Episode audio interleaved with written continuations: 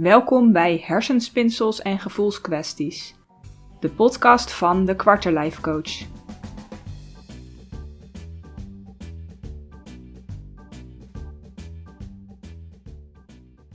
Mijn naam is Daphna Bontebal en vandaag wil ik het met je hebben over boosheid. Boosheid is namelijk een emotie die bij heel veel mensen eigenlijk voor problemen zorgt. En dan ofwel uh, de mensen die bang zijn voor boosheid, slecht met boosheid om kunnen gaan. En aan de andere kant de mensen die um, last hebben van hun eigen boosheid. Dus waar boosheid bijvoorbeeld snel doorschiet naar agressie. Uh, mensen die heel snel boos worden en onevenredig boos worden. Dat soort dingen. Ik wil me voornamelijk in deze podcast richten op het eerste stuk. Um, simpelweg omdat ik dat eigenlijk het meeste tegenkom. Dat er een soort taboe ligt op boosheid. Dat boosheid ervaren wordt als uh, iets engs en iets slechts. En iets wat je moet vermijden. En heel vaak leidt dit tot problemen. En ik ben daar zelf ook een goed voorbeeld van. Ik heb het bij mezelf ook. Um, nou ja, ik ben er bij mezelf ook tegenaan gelopen. Ik zei altijd: met mij krijg je niet snel ruzie. Als je mij boos wil maken, nou dan moet er wel heel wat gebeuren. Maar als ik dan eenmaal boos ben, dan is het ook klaar. En ik zag dit echt als een goede eigenschap. Want ik dacht van, nou ja, weet je, als je niet snel boos wordt, dan is dat iets goeds. En als je dan eenmaal, weet je, als iemand dan echt te ver is gegaan en je kan dan ook gewoon zeggen, oké, ehm, hier ligt voor mij de grens, nu is het klaar. Ik dacht van, nou ja, dat is dan toch juist goed dat ik dat dan op die manier kan aangeven. Um, maar een aantal jaar geleden besefte ik me dat dit eigenlijk helemaal niet iets is om trots op te zijn. En dat het eigenlijk um, ja, destructief gedrag is naar mezelf toe. Want wat ik hiermee eigenlijk doe, is het volgende. Um, ik geef mensen heel veel ruimte. Ik geef mensen heel snel gelijk. Ik laat mensen heel snel over mijn eigen grenzen heen gaan. Omdat ik bang ben dat ze anders boos worden of dat we ruzie krijgen of wat dan ook. Ik bleef dus van alles slikken totdat me echt te veel werd. Totdat mijn spreekwoordelijke emmer echt overstroomde. En op dat moment, als dat gebeurde, dan verbrak ik het contact. Uh, het contact. En vaak ook zonder iets te zeggen. Dan liet ik het gewoon doodbloeden. Weet je wel? Dan nam ik gewoon geen contact meer met diegene op. Dan praatte ik gewoon niet meer tegen diegene. En ik, ik sprak eigenlijk dan niet uit uh, wat me dwars had of wat er aan de hand was. Tenzij iemand naar me toe kwam en dat aan me vroeg. Maar eigenlijk gebeurde dat gek genoeg nooit. Um, en op die manier um, ja, kon ik dus zeg maar de confrontatie vermijden. Kon ik de, um, de ruzie en de boosheid van de ander, eventuele conflicten kon ik vermijden. Maar op die manier ben ik wel uh, nou ja, best wel aardig wat vriendschappen verloren die anders misschien prima nog te redden waren geweest. Um, en door het op deze manier aan te pakken, um, vonden mensen mij over het algemeen ook altijd een fijn en een makkelijk persoon om mee om te gaan. Um, want, nou ja, weet je, ik, ik was niet zo moeilijk. Ik uh, gaf de ander altijd heel snel gelijk en ik ging altijd mee in het gezamenlijke plan. En ja, ze, konden, ze hadden met mij inderdaad niet snel ruzie of niet snel woorden of wat dan ook. Uh, en naar mezelf kon ik het ook prima motiveren. Want op het moment dat ik um, dus zeg maar geen contact meer met diegene zocht en het gewoon dood liet bloeden, dan kon ik prima motiveren waarom ik dat deed. Want ik kon zo opsommen wat er allemaal gebeurd was. Uh, en uh, weet je, die ander nam tenslotte ook geen contact meer met mij op. En waardoor ik eigenlijk de keuze voor mezelf kon rechtvaardigen. Het lag dus in principe eigenlijk altijd aan de ander. Um, maar als ik mijn grenzen wel had aangegeven, als ik wel had uitgesproken wat ik wel wilde of wat ik juist niet wilde of wat ik vervelend vond, als ik had geleerd om op een goede manier uh, die confrontatie aan te gaan en op een goede manier ruzie te maken, dan was het waarschijnlijk heel anders gelopen. En het ironische hieraan is dus eigenlijk ook dat ik zo bang was om mensen kwijt te raken uh, op het moment dat we ruzie zouden krijgen. Terwijl ik eigenlijk die mensen dus, en daarmee ook mezelf trouwens, um, ben kwijtgeraakt door de ruzie te vermijden. En ik was zo goed in het wijzen naar de ander, terwijl als ik het nu bekijk, ik het eigenlijk grotendeels aan mezelf te danken had. En dat is een pijnlijk besef, maar wel ook een hele waardevolle les. Want zodra ik dit door had, kon ik ermee aan de slag gaan. Kon ik het veranderen. Kon ik gaan uh, leren om nou ja, mijn boosheid uh, te omarmen, wat meer ruimte te geven. En daarmee dus ook mijn leven een stukje mooier te maken. Nou, dit is eventjes een, een voorbeeld van, uh, van hoe het nou bij mij eigenlijk werkte. En wat bij mij dus de kern was, dat was de angst voor boosheid. En dat is bij heel veel mensen het geval. Dat je gewoon zo bang bent dat de ander boos op je wordt. Uh, dat je er in principe alles aan doet om dat uh, te voorkomen. Ik herken het nu zelfs ook nog bij mezelf. Dat um, mijn vriend bijvoorbeeld, die um, vindt het heel erg lekker als iets niet helemaal goed loopt terwijl die aan het gamen is of aan het klussen is of wat dan ook, om even lekker te vloeken. Nou, op het moment dat hij begint te vloeken, dan krimpt er bij mij van binnen, krimpt er automatisch iets in één. Dat ik denk, oh jee, er is iets aan de hand. Eigenlijk is het een soort radar van, oh jee, er is gevaar. Weet je wel, ik, ik heb gewoon zo'n automatische instinctieve reactie dat ik dan gewoon automatisch bang word en eigenlijk ook direct wil opspringen en naar hem toe wil gaan en de situatie goed wil maken. Dus ik wil het eigenlijk ook dan direct oplossen en zorgen dat die boosheid zo snel mogelijk ook weer het huis uit is. Nou, ik heb inmiddels geleerd um, dat dit niet werkt. Ik bedoel, hij vindt het, het is voor hem gewoon een hele fijne uitlaatklep. En eigenlijk is het ook heel gezond, want hij kan op die manier zijn irritatie um, ventileert hij gewoon. Uh, terwijl ik het vaak dus inderdaad binnenhoud. Um, dus weet je, ik heb geleerd dat ik hem daarin gewoon zijn gang kan laten gaan en dat het veel meer mijn proces is. Dus dat ik dat op dat moment dat ik dat voel, dat ik met mezelf aan de slag moet gaan van hé, hey, wat gebeurt er nu bij mij? En waarom gebeurt dat bij mij? Waar komt dat vandaan? Uh, nou ja, als ik dat dan dus voel, dan ga ik gewoon even naar dat gevoel toe. Dan adem ik eventjes een aantal keer diep in en uit, breng ik mezelf weer tot rust. En dan zeg ik ook tegen mezelf van, er is niks aan de hand, je kan hem gewoon zijn gang laten gaan, het heeft niks met jou te maken. Want dat is wat er dus bij mij dan direct triggert, hè? van oh jee, misschien heb ik wel iets verkeerd gedaan, of uh, misschien ligt het wel aan mij, misschien had ik dit kunnen voorkomen, of dat soort dingen. Nee, dat is gewoon zijn proces, dat is van hem en dat heeft verder niks met mij te maken. Dus op die manier um, omarm ik zeg maar mijn eigen proces en kijk goed naar mezelf van wat gebeurt er nu bij mij en hoe kan ik het voor mezelf uh, oplossen of beter maken. Daar heb ik inmiddels dus een aantal uh, tools voor mezelf voor.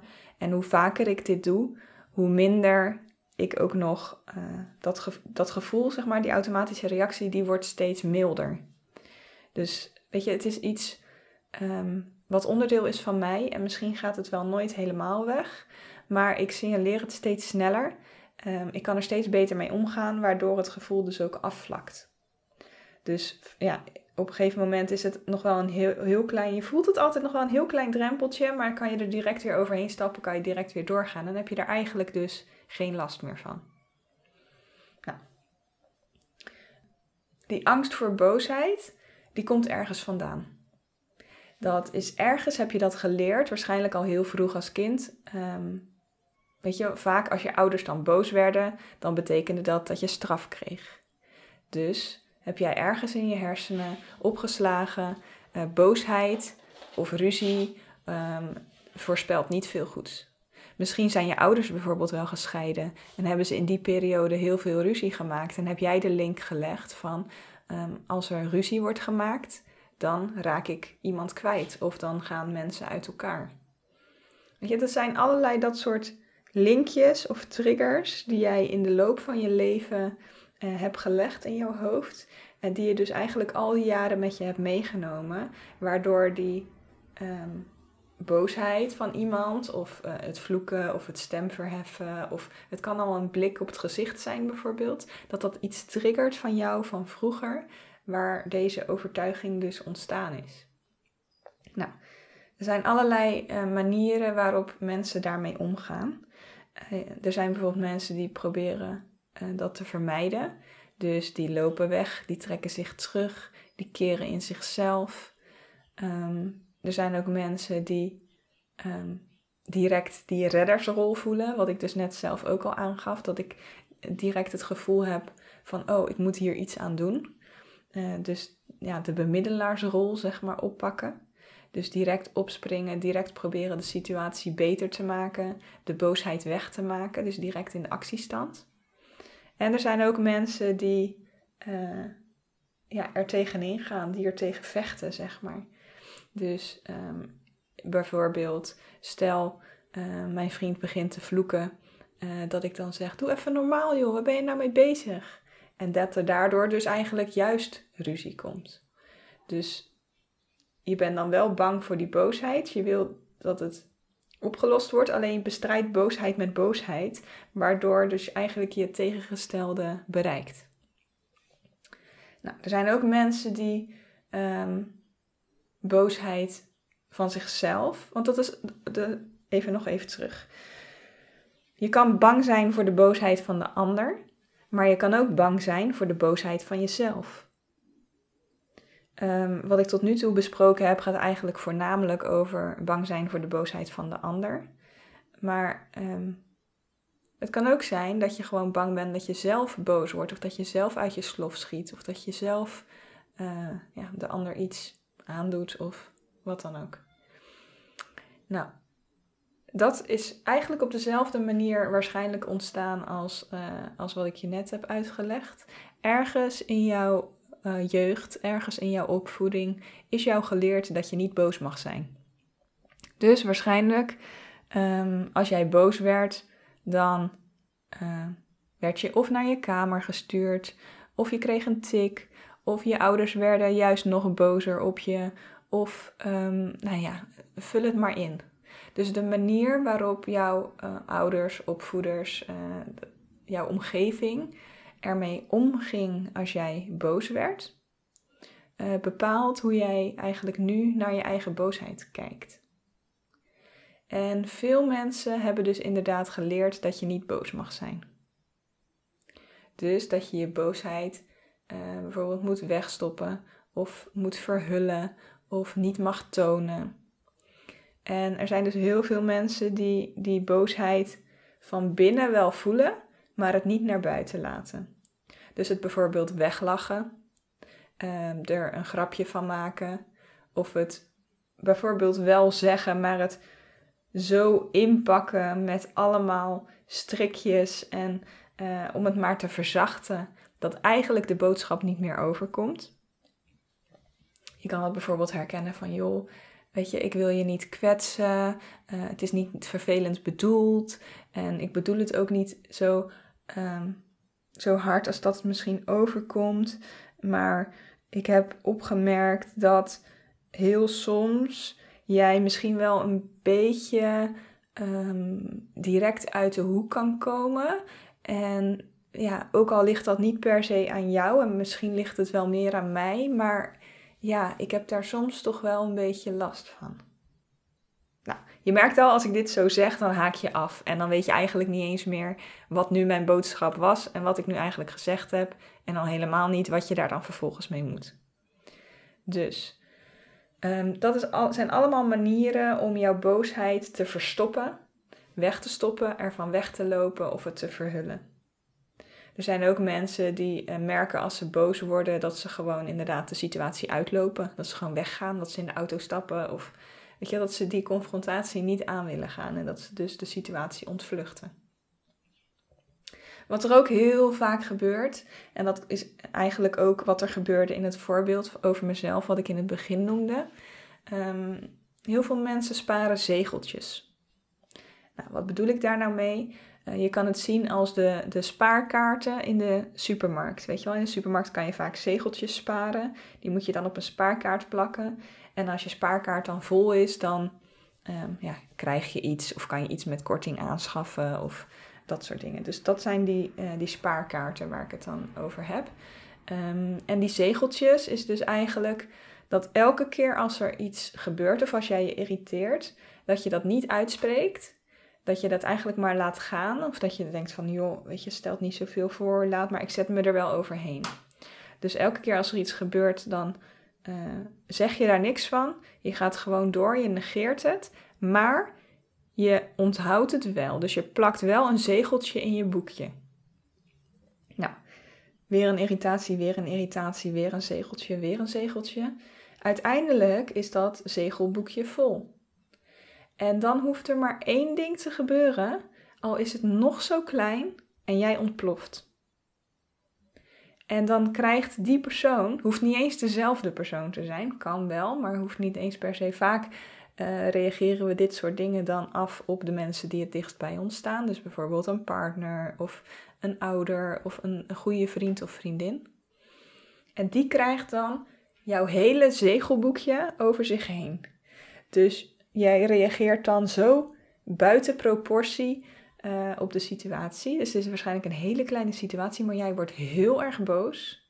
Je krijgt de volle lading en die persoon die denkt: wat gebeurt me nou? Wat is hier aan de hand? Nou, dat is eigenlijk het systeem van zegeltjes sparen. Of sommige mensen zeggen ook wel eens de spreekwoordelijke emmer loopt dan over. Dus het is dan die laatste druppel, uh, dat laatste zegeltje, wat dus zorgt dat alles wat je al die tijd hebt opgespaard, er in één keer uitkomt. Nou, en dat is naar die persoon die dan dus de volle laag krijgt. Niet helemaal eerlijk natuurlijk, want die heeft geen idee waar dit allemaal over gaat. En die heeft geen idee waarom jij zo overdreven reageert, zeg maar. En zeker als die persoon dat dan ook aangeeft van joh, waar slaat dit nou op? Of uh, zo bijzonder was het toch niet? Of waarom word je nou zo boos? Ja, dan kan het zijn dat jij dus nog bozer wordt, want in jouw beleving is het heel erg terecht dat jij boos wordt, want jij hebt tenslotte dat hele zegelboekje al volgeplakt. Maar dat zegelboekje, dat kan die andere persoon niet zien. Dus ja, dat is eigenlijk, um, nou ja, dat kan heel schadelijk zijn voor die relatie. En dit is dus ook niet een wenselijke manier om met je boosheid om te gaan. Het is veel beter om elke keer als jij van plan bent om een zegeltje te plakken in je boekje, om dat niet op te plakken, maar om het dan inderdaad gewoon uit te spreken. Want als je het dan uitspreekt, is het vaak een heel klein dingetje. En uh, voelt die ander zich ook helemaal niet aangevallen of uh, naar daarover of zo. Um, maar goed, als je dus het zover laat komen totdat het boekje vol is, ja, dan is het dus wel echt schadelijk. En dan is dat ook echt totaal niet fijn voor die persoon. Nou, dit zijn dus een aantal manieren waarop je met boosheid om kan gaan en dus eigenlijk niet functioneel zijn. Ik wil nog even terug naar de basis. Want um, nou, ik heb het nu wel heel de tijd over allerlei soorten van hoe je met boosheid om kan gaan. Maar ik heb het eigenlijk nog helemaal niet gehad over wat is nu eigenlijk het nut van boosheid.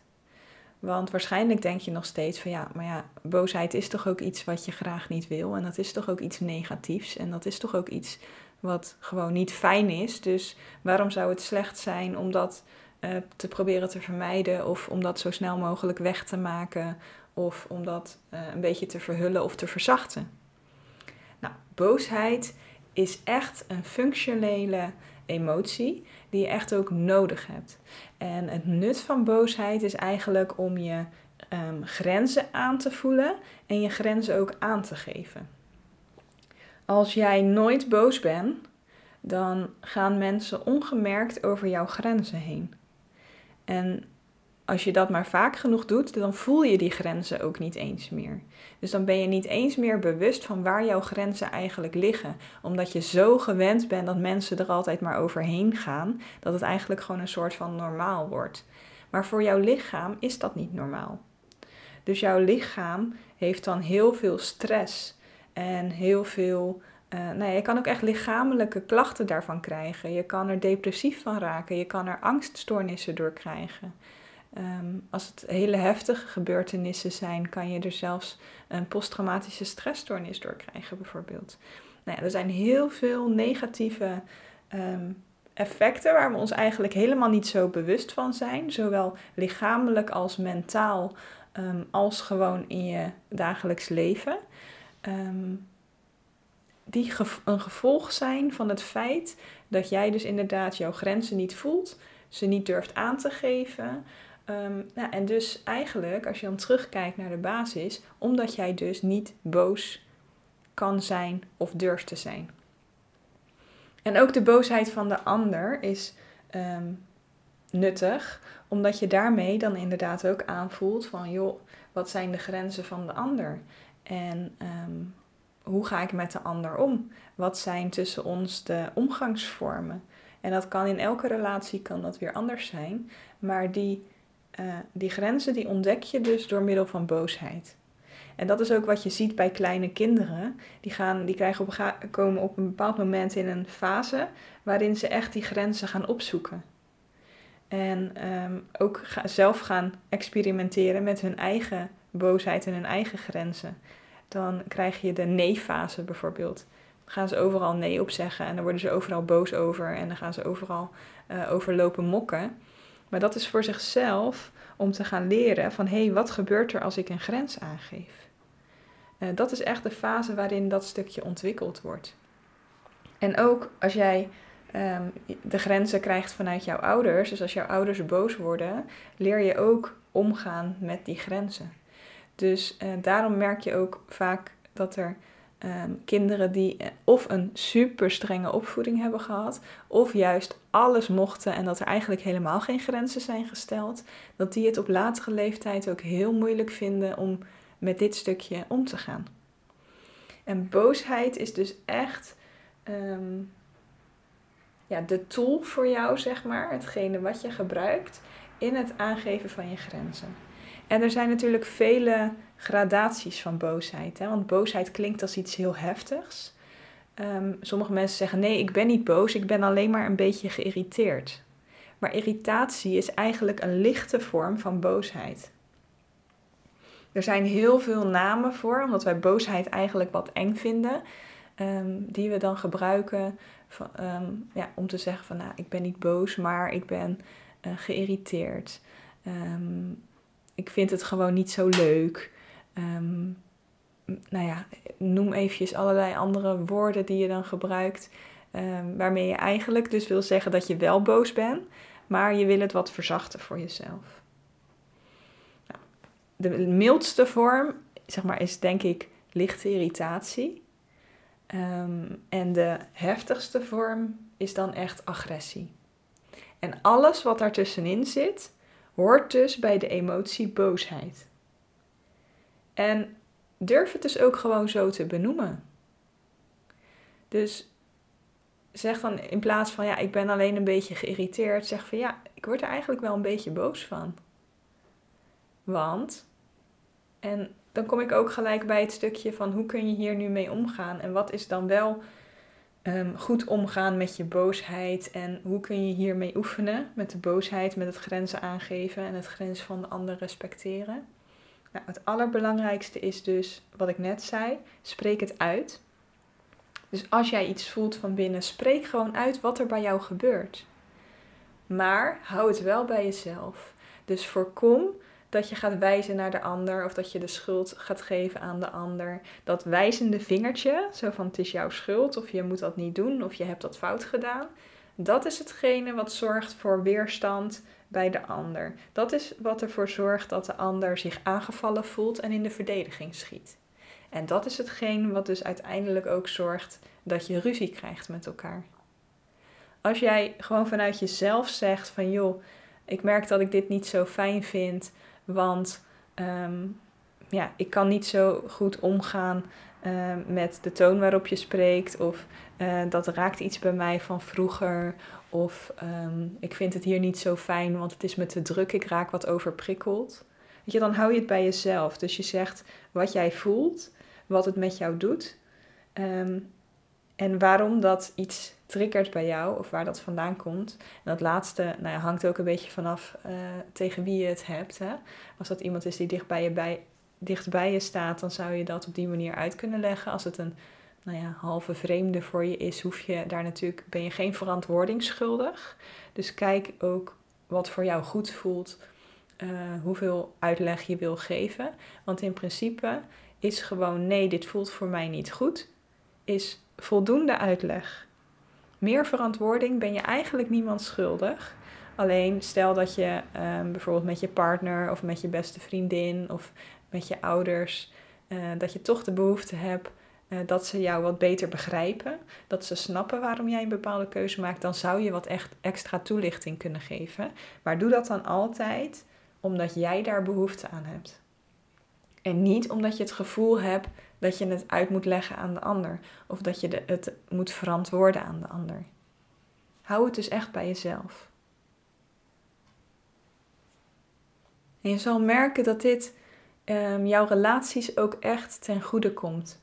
Dat dit ook echt helpend voor je is. En dat je um, sowieso beter met jezelf omgaat. Dat je zelf minder klachten krijgt, minder stress hebt. En dat het gewoon echt een bevrijding is om dat wat in jou speelt, om dat te uiten. Dus ga hiermee oefenen. En als je hier meer mee aan de slag wil, als je zoiets hebt van ja, dit vind ik wel echt lastig om hier in mijn eentje mee aan de slag te gaan. Ik vind het heel eng, of het lukt me niet, of ik durf het niet. Uh, wees dan ook niet bang om hulp te vragen. Ik help je hier heel graag bij. En ik heb daarvoor dus mijn diepdijfprogramma ontwikkeld. Um, in de omschrijving van deze podcast vind je een linkje naar mijn website. Daar kan je er meer over lezen. En um, dan gaan we in drie maanden tijd gaan we hier gewoon echt gaan we het samen onderzoeken. Gaan we er samen naar kijken. Uh, help ik jou, sta ik naast je als je ermee gaat experimenteren. En alles waar je tegenaan loopt, elke angst, elke blokkade, elke drempel, daar help ik jou overheen. Dus dan gaan we het gewoon echt samen doen. En dan zorgen we dat je hier, uh, nou ja, dat jij hier gewoon echt een stevige basis voor neer gaat zetten. Dat je er daarna op eigen kracht ook mee verder kan. Want het gaat je zoveel verlichting geven. Het gaat je zoveel helpen. Het gaat je zoveel goeds doen eigenlijk als je leert om op een goede, productieve manier met jouw boosheid om te gaan. Als je leert om nou ja, op een goede manier je grenzen aan te geven, uh, je grenzen ook aan te voelen en uh, ja, gewoon echt voor jezelf ook te kiezen en jezelf ook belangrijk te maken in het contact met de ander. Dat is eigenlijk waar het in de kern om gaat. Nou, en dat verdien jij, dat verdient iedereen. En ik help je daar heel graag bij. Bedankt voor het luisteren. Mocht je nog vragen of opmerkingen hebben naar aanleiding van deze aflevering, uh, stuur me dan gerust een mailtje. En dan uh, hoop ik dat je de volgende keer weer luistert.